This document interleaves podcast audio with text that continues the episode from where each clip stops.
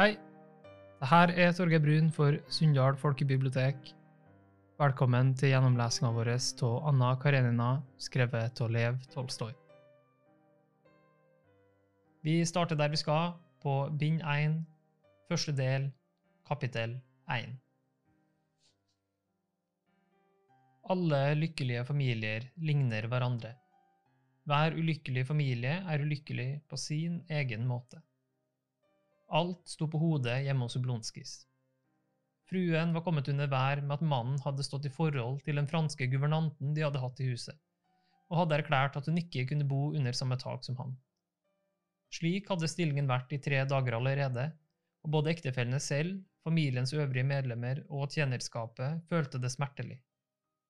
Alle familiens medlemmer og tjenerskapet følte at samlivet deres var uten mening og at mennesker som tilfelle hadde ført sammen på en hvilken som helst skysstasjon, hadde mer til felles enn de, medlemmer av familien Oblonskij og dens tjenerskap. Fruen forlot ikke sine værelser, mannen hadde vært hjemmefra i tre dager, barna løp omkring i hele huset og visste verken ut eller inn. Den engelske frøkenen var røket uklar med husholdersken og hadde skrevet et brev til en venninne og bedt henne finne en ny post til henne. Kokken var dratt alt dagen i forveien, midt under middagen, og kokkepiken og kusken ba om oppgjør. Den tredje dagen efter 13 våknet fyrst Stepan Arkadij Oblonskij, eller Stiva som han ble kalt i den fine verden, til vanlig tid.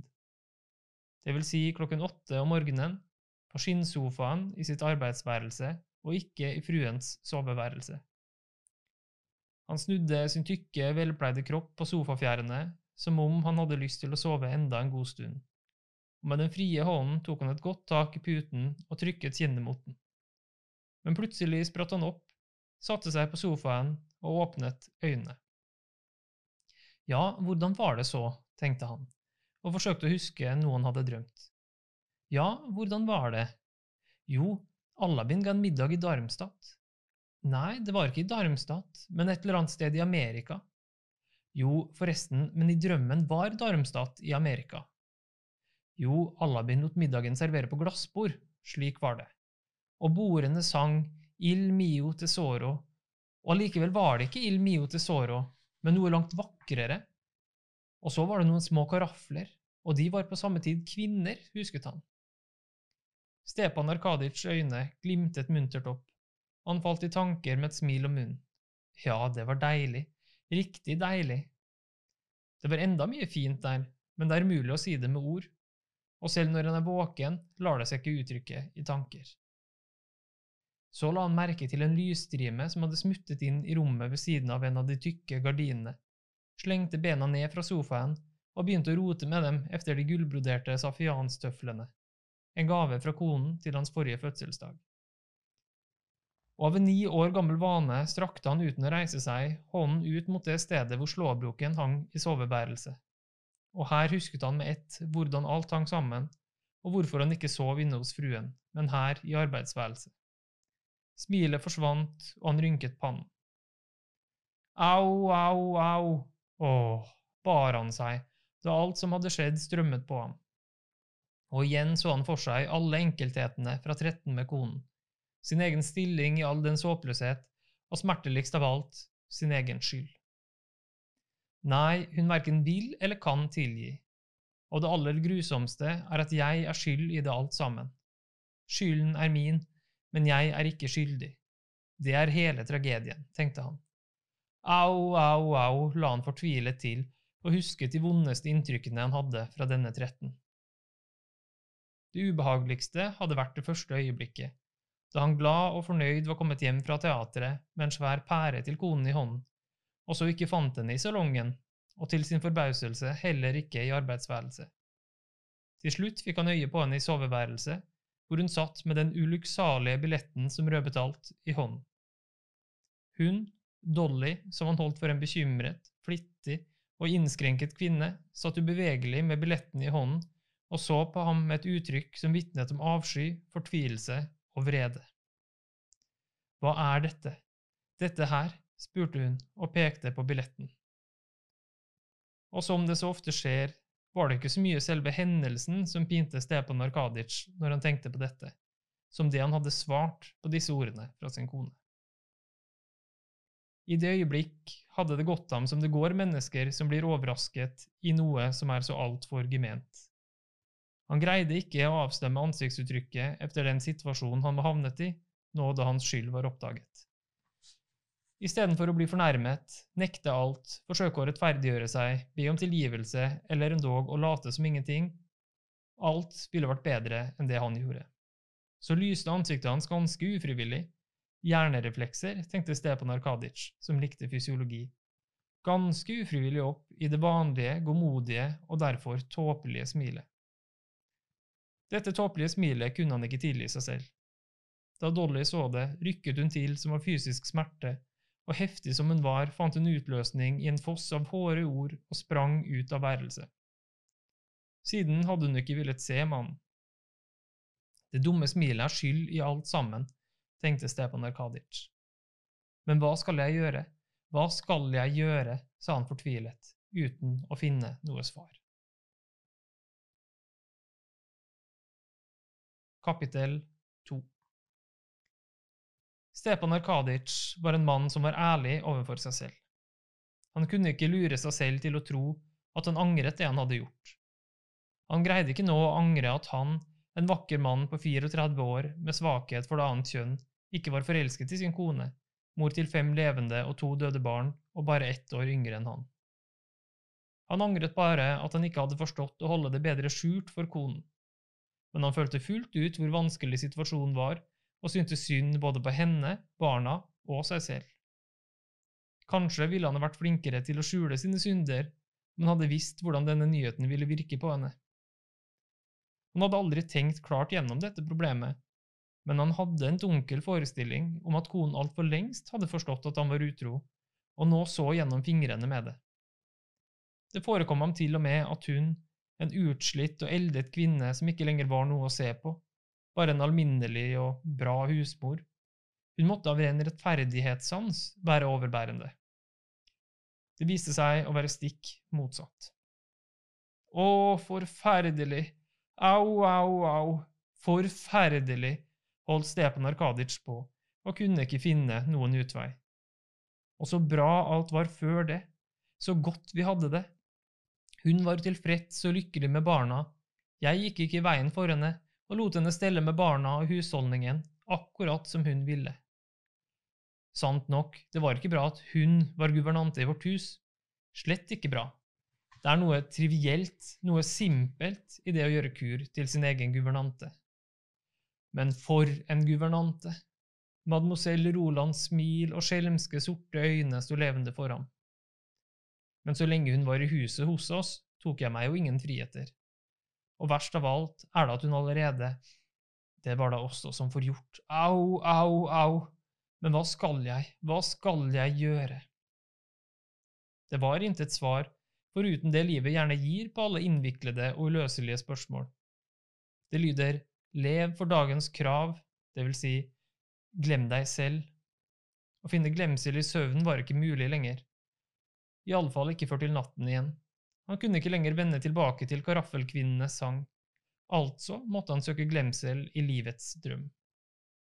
Så får vi se, sa Stepan Arkadic for seg selv og reiste seg tok på seg den grå slåbroken med det mørkeblå silkefòret, knyttet duskene og fylte den brede brystkassen med masse luft. Så gikk han bort til vinduet på sine utadvendte føtter som bar den tykke kroppen riktig rett, rullet opp gardinen og ringte hardt. Straks kom hans gamle venn, kammertjeneren Matvei, inn med klær, støvler og et telegram. Og efter Matvei kom barbereren med barberstellet. Er det kommet noen papirer fra kontoret? spurte Stepan Arkadic, som alt hadde tatt telegrammet og satt seg til speilet. De som ligger på bordet, svarte Matvei og så spørrende og medlidende på sin herre. Han stanset litt og la så til med et listig smil. De er her fra vognmann. Stepan Arkadic svarte ikke, og så bare på Matvei i speilet. Av blikkene som møttes i speilet, kunne man se at de forsto hverandre. Stepan Arkadics blikk spurte liksom Hvorfor sier du det? Vet du da ingenting? Matvei stakk hendene i jakkelommene, flyttet bena fra hverandre og så taust og godmodig på sin herre med et knapt merkbart smil. Jeg sa at de skulle komme igjen søndag og ikke uleilige dem eller seg selv til ingen nytte for den tid, sa han. Det var tydeligvis en setning han hadde tenkt ut på forhånd. Stepan Arkadic forsto at Matvej ville spøke og henlede oppmerksomheten på seg selv. Han rev opp telegrammet og leste det mens han gjettet seg til meningen i de ordene han nå, som ellers, for lett over, og ansiktet hans strålte opp. Matvej, min søster Anna Arkadjevna kommer i morgen, sa han, og holdt et øyeblikk igjen den skinnende, runde barberhånden som var i ferd med å åpne en lyserød vei mellom de lange, buskete bakkenbartene. Gudskjelov, sa Matvei, og viste dermed at han, like godt som sin herre, forsto at besøket var betydningsfullt. Anna Arkadjevna, Stepan Arkadic' yndlingssøster, kunne nemlig bidra til å forsone ham med hans kone. Alene eller sammen med mannen? spurte Matvej. Stepan Arkadic kunne ikke si noe, for barbereren holdt på med overleppen, men han stakk bare én finger i været. Matvei nikket i speilet. Alene. Skal jeg gjøre i stand ovenpå? Gi beskjed til Darja Aleksandrovna og spør hvordan hun vil ha det. Darja Aleksandrovna gjentok Matvei overrasket. Ja, gi henne beskjed, og ta så telegrammet og fortell meg hva hun sier. Han vil prøve seg, forsto Matvej, men han sa bare ja vel. Stepan Arkadic var alt vasket og gredd da Matvei langsomt kom inn i rommet igjen på sine knirkende støvler. Telegrammet hadde han i hånden, Barbereren var gått. Darja Aleksandrovna ba meg melde at hun reiste bort. La ham, altså dem, bare gjøre som han finner det for godt, sa han med et smil i øyekroken, puttet tennene i lommen, lå hodet på skakke og så på sin herre. Stepan Arkadic tiet. Så kom det et snilt og litt fattigslig smil over det vakre ansiktet hans. Nå, Matvei, sa han og rystet på hodet. Ingenting å bry seg om, det skikker seg nok, sa Matvei. Skikker seg? Akkurat. Tror du det? Hvem er det? spurte Stepan Arkadic, som hørte en kjole rasle bak døren. Det er jeg, sa en fast og velklingende kvinnestemme, og det strenge, kopparede ansiktet til Matrona Filimonovna, barnepiken, dukket frem i døren. Nå, hva vil du, Matrosja? spurte Stepan Arkadic og gikk bort i døren til henne. Til tross for at det ikke fantes fnugg av tvil om at Stepan Arkadic var den skyldige i forholdet til konen, og også selv følte det så, var nesten hele huset, endog barnepiken, Darja Aleksandrovnas beste venn, på hans side. Nå, hva vil du? sa han trist. Gå ned, herre, og be om forlatelse enda en gang. Kanskje Gud lar det lykkes. Hun lider svært, det er rent vondt å se, og hele huset står på hodet. Det er synd på barna, Herre. Be om forlatelse, Herre. Hva skal man gjøre? Den som vil være med på leken, men hun tar jo ikke imot. Men de må gjøre deres. Gud er barmhjertig. Be til Gud, Herre, be til Gud. Ja vel. Gå så, sa Stepan Arkadic og ble med ett rød. Nå, så får vi kle på oss, sa han til Matvei og kastet resolutt slåbroken av seg. Matvei sto allerede med skjorten ferdig som et høvre og blåste bort noe usynlig rusk. Med åpenbar glede tredde han den på sin herres velpleiede kropp. Kapittel 3 Vel påkledd dusjet Stepan Arkadic seg med parfyme, rettet på skjorteermene og puttet med de vante bevegelser sigarettene, lommeboken, fyrstikkene, uret med den dobbelte kjeden og bærlokkene ned i de forskjellige lommene. Så viftet han med lommetørkleet og gikk med en følelse av at han til tross for sin ulykke var ren, duftende, sunn og fysisk opplagt, ut i spisestuen mens han tok et ganske lett sprett for hvert skritt. Der sto allerede kaffen ferdig til ham, og ved siden av kaffen lå brevene og papirene fra kontoret. Han leste gjennom brevene. Et av dem var svært uvelkomment. Det var fra en kjøpmann som ville kjøpe skog på fruens gods. Denne skogen burde absolutt selges, men nå da han ennå ikke var forsonet med henne, kunne det ikke være tale om det. Vemmeligst av alt var at det på denne måten blandet seg økonomiske interesser inn i det forestående forsoningsprosjektet. Og tanken på at han kunne komme til å la seg lede av disse interessene, at han ville søke forsoning for å få solgt skogen, denne tanken såret ham. Da han var ferdig med brevene, tok Stepan Arkadic for seg papirene fra kontoret. Bladde hurtig gjennom to saker, gjorde noen anmerkninger med en stor blyant, la så sakene bort og ga seg i kast med kaffen. Mens han nøt den, åpnet han avisen som ennå ikke var riktig tørr, og begynte å lese. Stepan Arkadic holdt en liberal avis. Ikke av den mest ytterliggående retning, men av den de fleste støttet. Og enda verken vitenskap, kunst eller politikk egentlig interesserte ham, var han på alle disse områder en trofast tilhenger av de synspunkter flertallet og avisen hans forfektet. Og han gikk fra dem bare når flertallet forlot dem, eller rettere sagt, han skiftet ikke synspunkter, det var de som skiftet i ham uten at han merket det. Stepan Arkadic valgte seg verken retninger eller meninger, men disse retningene og meningene kom til, ham av seg selv, på samme måte som han ikke valgte form på hatten eller frakken sin, men bare tok det folk gikk med. Men for ham som levet i et bestemt miljø og hadde behov for en viss tankevirksomhet av det slaget som i alminnelighet utvikler seg i moden alder, var det like nødvendig å ha meninger som hatt. Og hvis det fantes noen grunn til at han foretrakk den liberale retning fremfor den konservative, som også hadde mange tilhengere i hans krets, så kunne den ikke være at han fant den liberale retning mer fornuftig, men at den lå nærmere opp til hans eget livsmønster. Det liberale parti hevdet at i Russland var det bare elendighet.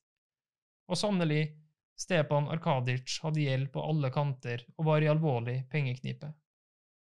Det liberale parti hevdet at ekteskapet var en utlevet institusjon som måtte reformeres, og sannelig, familielivet var til liten glede for Stepan Arkadic og tvang ham til å lyve og hykle, hvilket var imot hans natur. Det liberale parti hevdet, eller rettere lot forstå, at religion bare var et bånd som holdt den barbariske del av befolkningen igjen og sannelig, Stepan Arkadic kunne ikke stå selv en kort gudstjeneste til ende uten å få vondt i bena, eller greie å begripe meningen med alle disse skrekkelige og høytravende ordene om den hinsidige verden om man kunne ha det så festlig i denne. Dessuten satte Stepan Arkadic pris på en god spøk og more seg stundom med å sjokkere en intetanende person med å si at hvis man først var stolt av sin slekt, så fikk man ikke nøye seg med å stanse ved Rurik og fornekte sin første stamfar, apekatten. Således var den liberale retning blitt en vane for Stepan Arkadic, og han var glad i avisen sin akkurat som i en sigar efter maten. De forårsaket begge en lett tåke i hodet hans. Han leser lederen, hvor det blir gjort rede for hvordan det i vår tid ikke var noen grunn til å bære seg over at radikalismen ville sluke alle konservative elementer, så myndighetene nå måtte gjøre noe for å komme revolusjonens hydra til livs. Nei, Tvert imot, efter vår mening ligger ikke faren i en formodet revolusjonshydra, men i den seiglivede, tradisjonsbundne holdning som hemmer fremskritt, osv. Han leste også en annen artikkel, en om de finansielle forhold som nevnte Bentham og Mill, og kom med et spark til regjeringen. Rask i oppfatningen som han var, forsto han straks meningen med hvert spark, hvem det var fra, hvem det var adressert til, og hvorfor det kom og dette ga ham som alltid ellers en viss tilfredsstillelse. Men i dag ble denne tilfredsstillelsen forgiftet av minnet om at Trona Filmanovnas råd og den sørgelige forfatning hjemme var. Han leste at grev Boost virkelig var reist til Wiesbaden, at ingen lenger skulle få grått hår, at en lett vogn var til salgs, og at en ung person søkte kondisjon. Men disse nyhetene ga ham ikke som før en stille, ironisk tilfredsstillelse. Da han var ferdig med avisen, to kopper kaffe og en smørklynge, reiste han seg og børstet kringlesmulene av vesten. Så skjøt han den brede brystkassen frem og smilte bredt. Ikke fordi han hadde noe særskilt lystig å tenke på, det brede smilet skyldtes hans gode fordøyelse. Men dette brede smilet fikk ham straks til å minnes alt sammen, og han ble tankefull. To barnestemmer, Stepan Arkadic kjente igjen stemmen til Grisha, den minste gutten, og Tanja, den største piken, lød på den andre siden av døren. De slepte noe med seg som gikk i gulvet. Jeg har jo sagt at du ikke må sette passasjerer på taket, ropte datteren på engelsk. Nå får du rydde opp. Alt er rot, tenkte Stepan Arkadic. Der løper ungene alene omkring. Han gikk bort til døren og kalte på dem. De hadde en kiste, de lekte var et tog. Den lot de være og gikk inn til faren. Piken, farens yndling, kom freidig løpende, omfavnet ham og hengte seg leende om halsen hans, nå som alltid glad for den velkjente parfymeduften som fløt ut fra bakkenbartene. Hun kysset ham mens ansiktet strålte av ømhet og rødmet av den bøyede stillingen. Så løsnet hun grepet og ville springe ut igjen, men faren holdt henne fast. Hvordan er det med mor? spurte han mens han strøk hånden over datterens glatte, myke kinn. God morgen, sa han og smilte til gutten som hilste på ham. Han var klar over at han ikke var så glad i sønnen, og forsøkte bestandig å behandle dem likt. Men sønnen følte dette og besvarte ikke farens kjølige smil med noe smil. Mor, hun har stått opp, svarte piken. Stepan Arkadic sukket. Altså har hun ikke sovet noe denne natten heller, tenkte han. Er hun i godt humør? Datteren visste at det hadde vært en trette mellom faren og moren, at moren ikke kunne være glad, og at faren måtte vite dette og gjorde seg til når han så uten videre spurte om det. Og hun rødmet for farens skyld. Han forsto straks hele sammenhengen og rødmet også. Jeg vet ikke, sa hun. Hun satte oss ikke til leksene, men sa at vi skulle ta en tur til bestemor sammen med Miss Gull. Vel, vel, du får gå da, Tanja min. Nei, forresten, vent, sa han og holdt henne igjen mens han strøk den lille, bløte hånden hennes. Fra kaminhyllen hentet han ned en eske konfekt han hadde satt der dagen i forveien, lette seg frem til dem hun likte best, sjokoladekonfekt og gelékonfekt, og ga henne en av hver. Til Grisha, sa piken og pekte på sjokoladen. Ja, jo, og efter å ha klappet henne på skulderen enda en gang, kysset han henne ved hårfestet og på halsen og lot henne gå.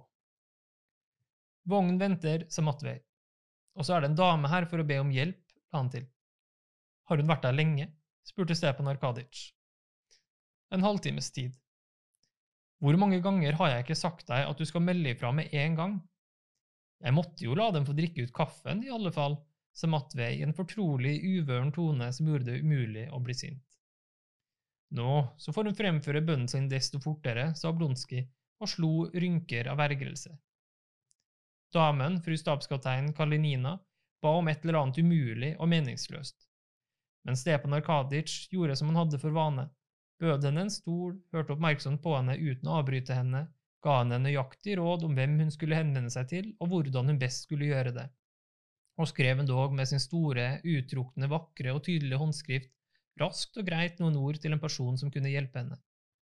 Da han var ferdig med fru stabskaptein, tok Stepan Arkadic hatten sin og sto et øyeblikk stille for å tenke efter om det ikke skulle være noe han hadde glemt. Det viste seg at han ikke hadde glemt annet enn det han gjerne ville glemme – konen. Au da.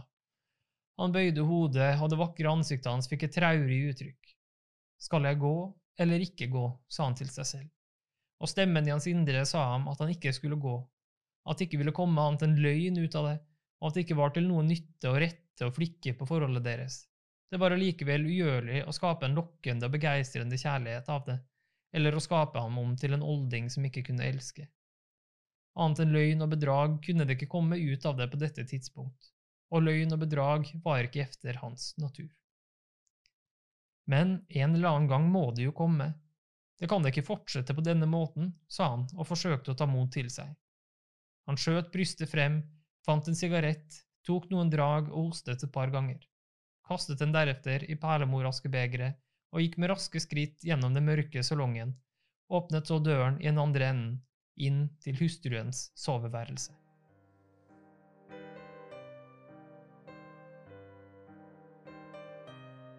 Takk for oppmerksomheten. Oppleser var Torgeir Brun.